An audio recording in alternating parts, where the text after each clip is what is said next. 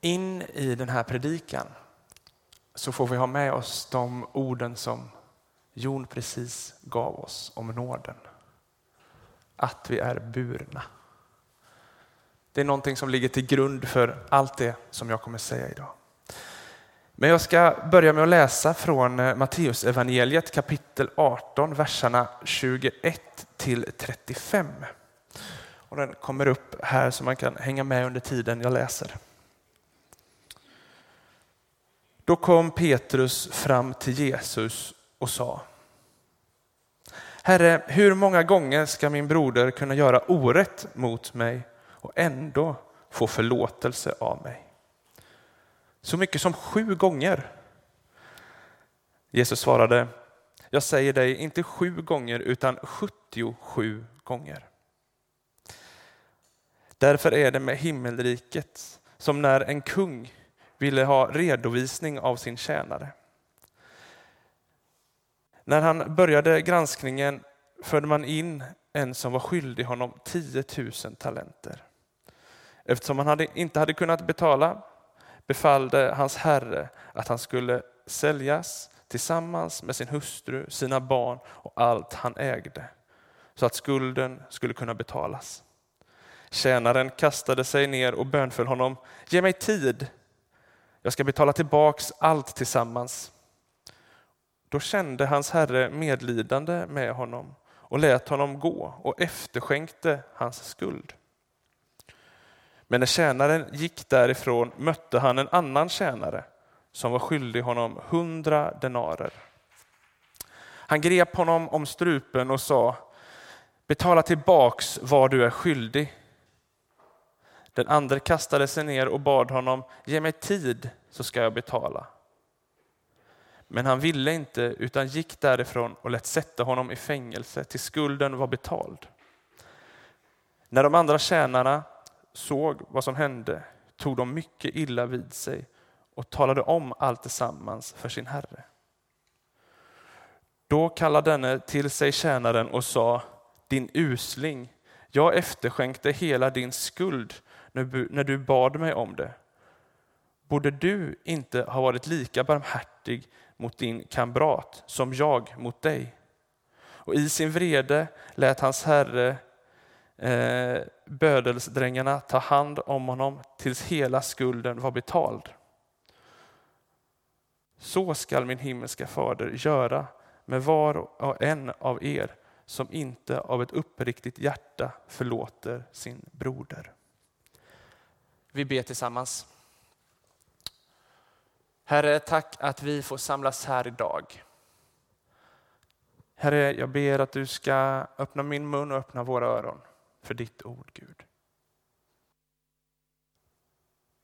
Be så i ditt eget namn. Amen.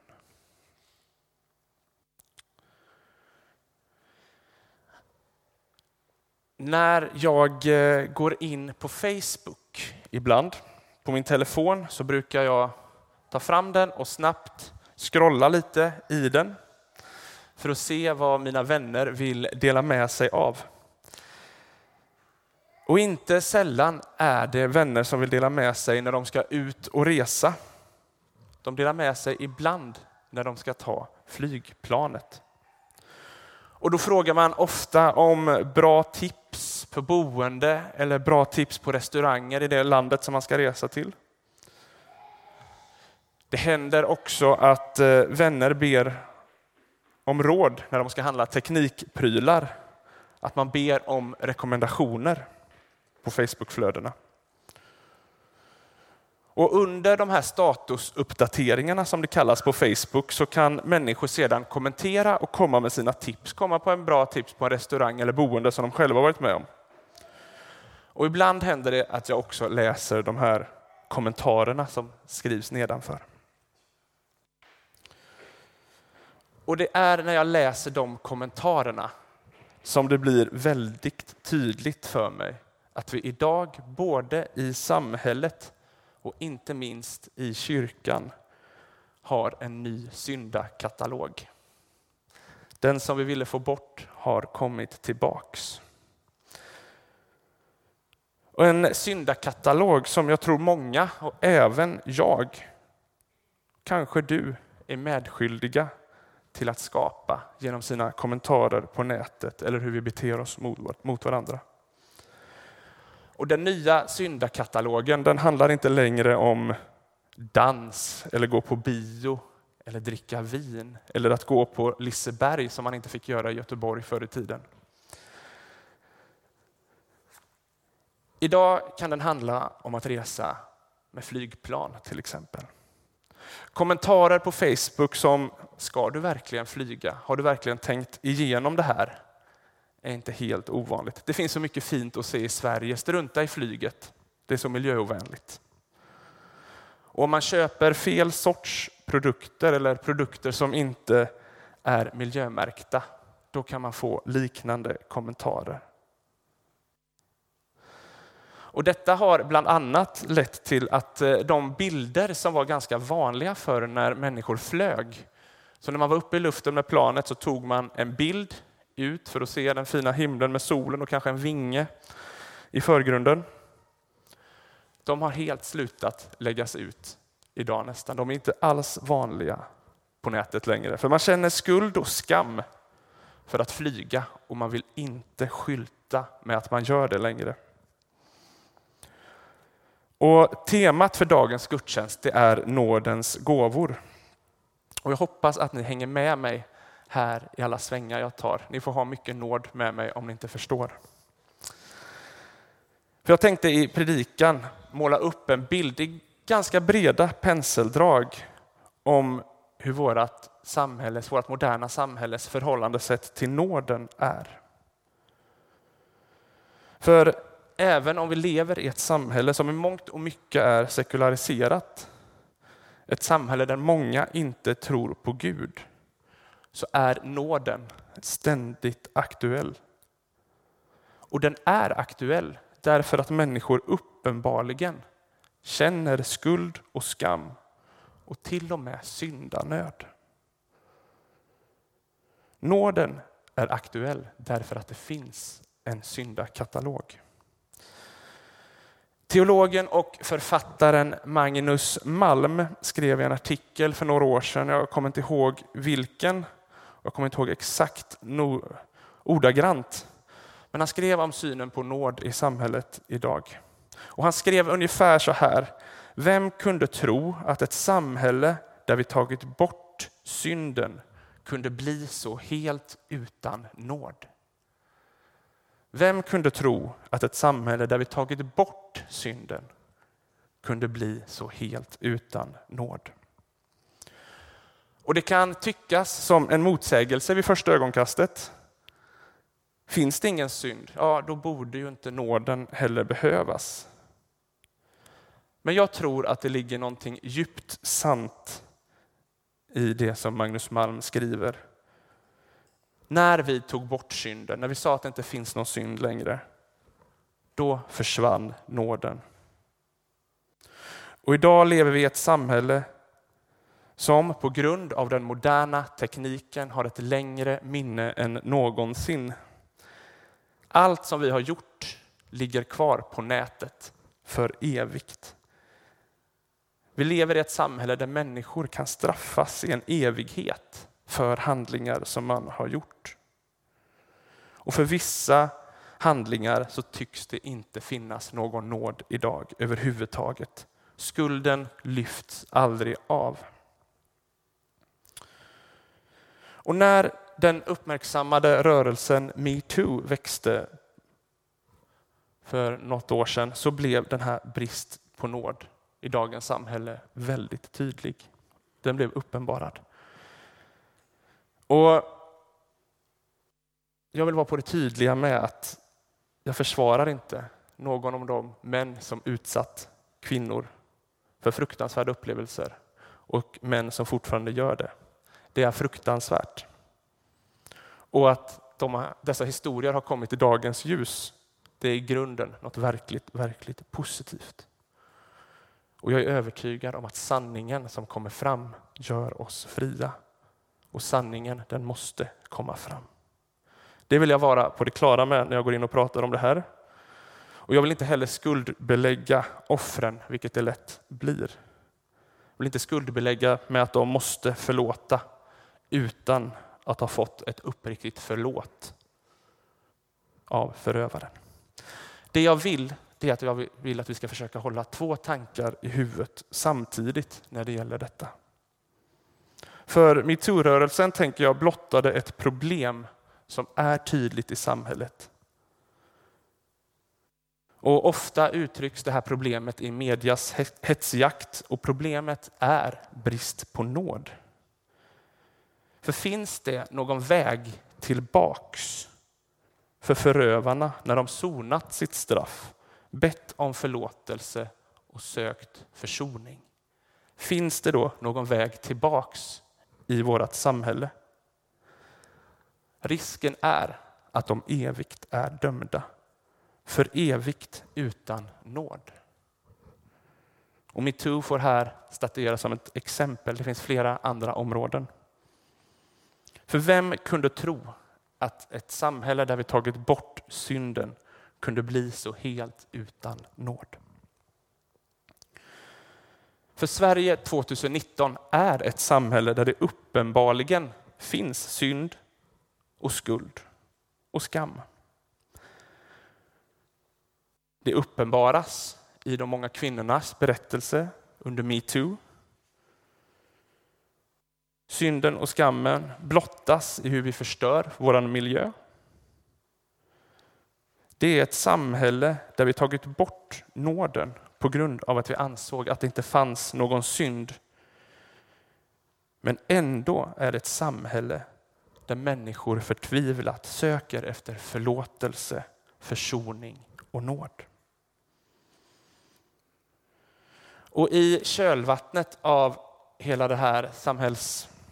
Ska man säga?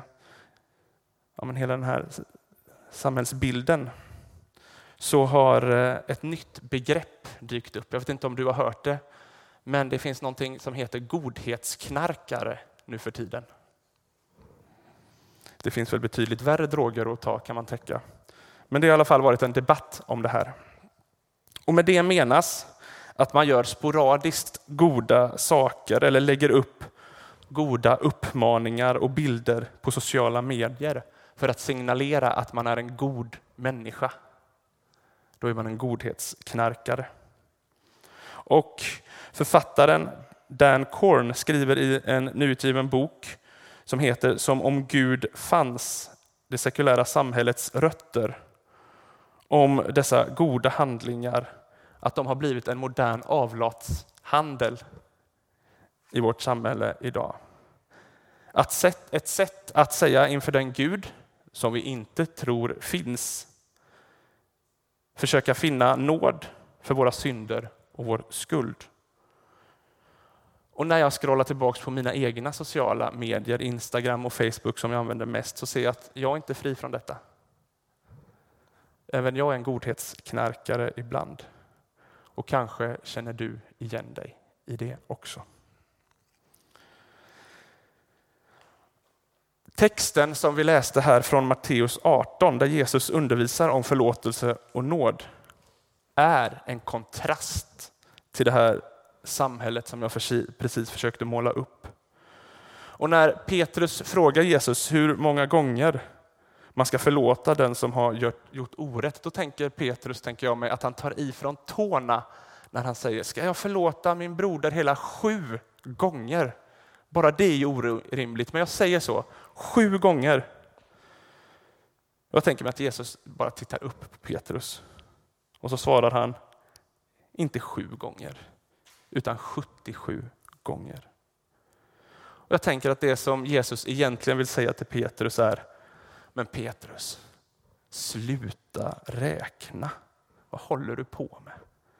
I Guds rike är förlåtelse lika naturligt som att andas. Och när jag läser den här liknelsen som sen följer efter Petrus och Jesus diskussion, då blir jag provocerad av Jesus. Vad är det han står och säger egentligen? För man kan få intrycket när Jesus pratar om att förlåtelse, det är så himla enkelt. Det är bara att förlåta. Under mina snart 33 år så har jag inte upplevt det alltid. Att det inte det är inte så himla lätt att förlåta och gå vidare. Kanske har du också upplevt det.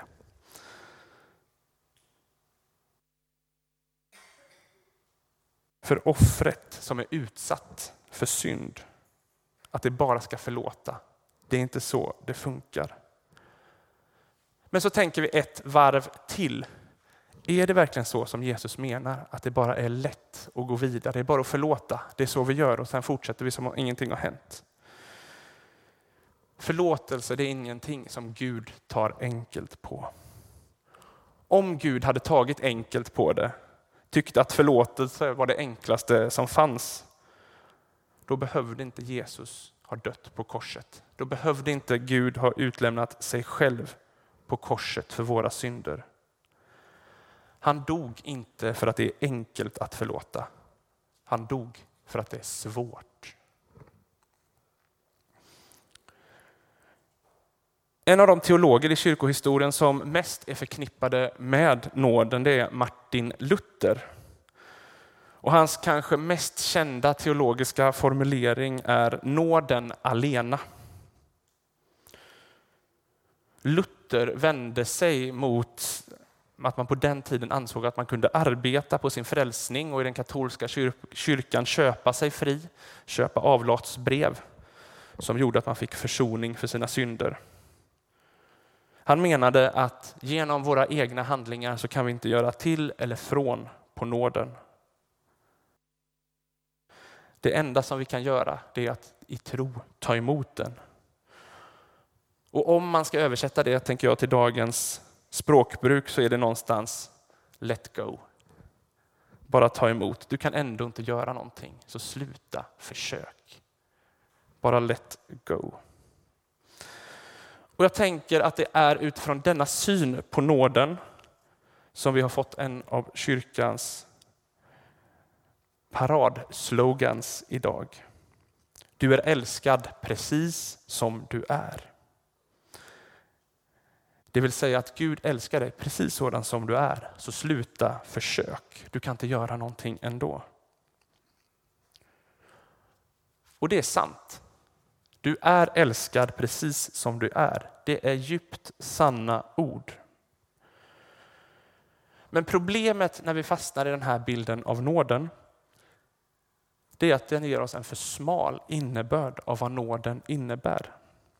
För jag tänker att nåden är så mycket större. Den är så mycket mer än att vi bara passivt kan sitta och ta emot den. Så även här gäller det att hålla två tankar i huvudet. Det är sant, nåden alena, men det finns mer. Och Jesu liknelse visar som sagt, tänker jag, på en annan världsbild än den som det moderna samhället har. Den visar på hur Guds rike fungerar. Där förlåtelse och nåd är en naturlig del. Och Jag tänker att liknelsen utmanar Luthers bild av nåden som något som vi bara passivt kan ta emot. Den bild som vi i de lutherska länderna är inpräntade med. Liknelsen om den barmhärtige kungen som efterskänker tjänaren skulden visar att det finns en Gud, att denna Gud är nådefull och att nåden börjar hos och i honom. Den nåd vi får ta emot den har sin grund i honom. Han har gett oss den som en gåva, nådens gåva. Men liknelsen visar också att vi inte bara är passiva mottagare av nåd utan att vi faktiskt kan göra något. Vi kan ge den vidare och inte göra som tjänaren som först fick nåd och sedan inte gav den vidare.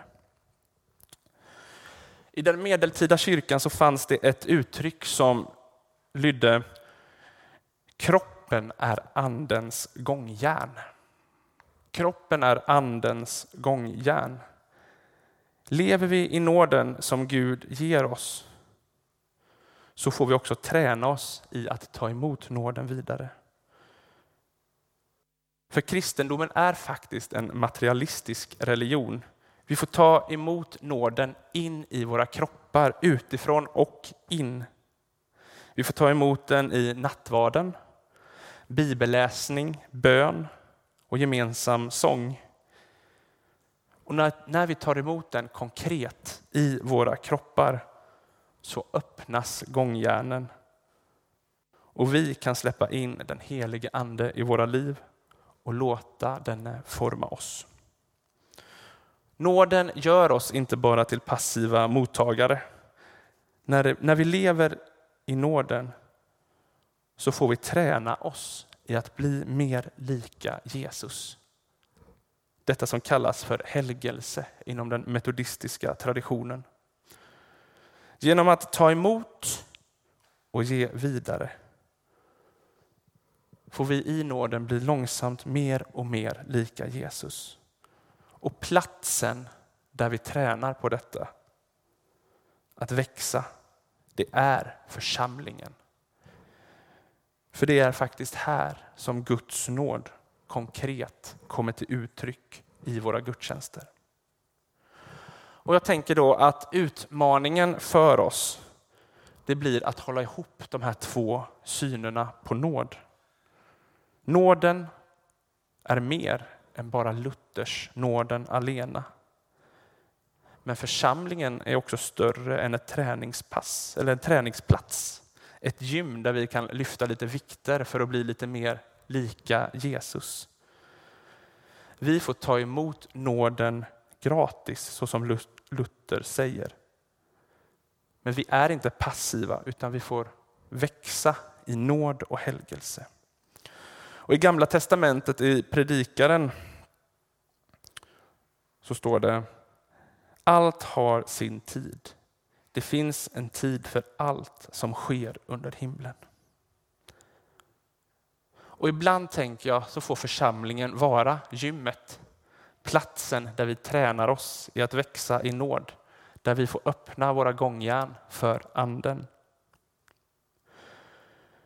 Och ibland får församlingen vara platsen där vi bara får falla in i strömmen och bäras av andra. Som Jon sa här, formulerade i inledningen, när vi skulle känna att vi var här i rummet. Det får vara platsen där kyrkan får bära oss. En plats där vi är älskade som vi är. Och Vi får förena dessa två bilder av nåden och aldrig glömma att den börjas, börjar hos Gud. Och Vi ska strax få höra en sång här av Sara och Mats som jag önskade.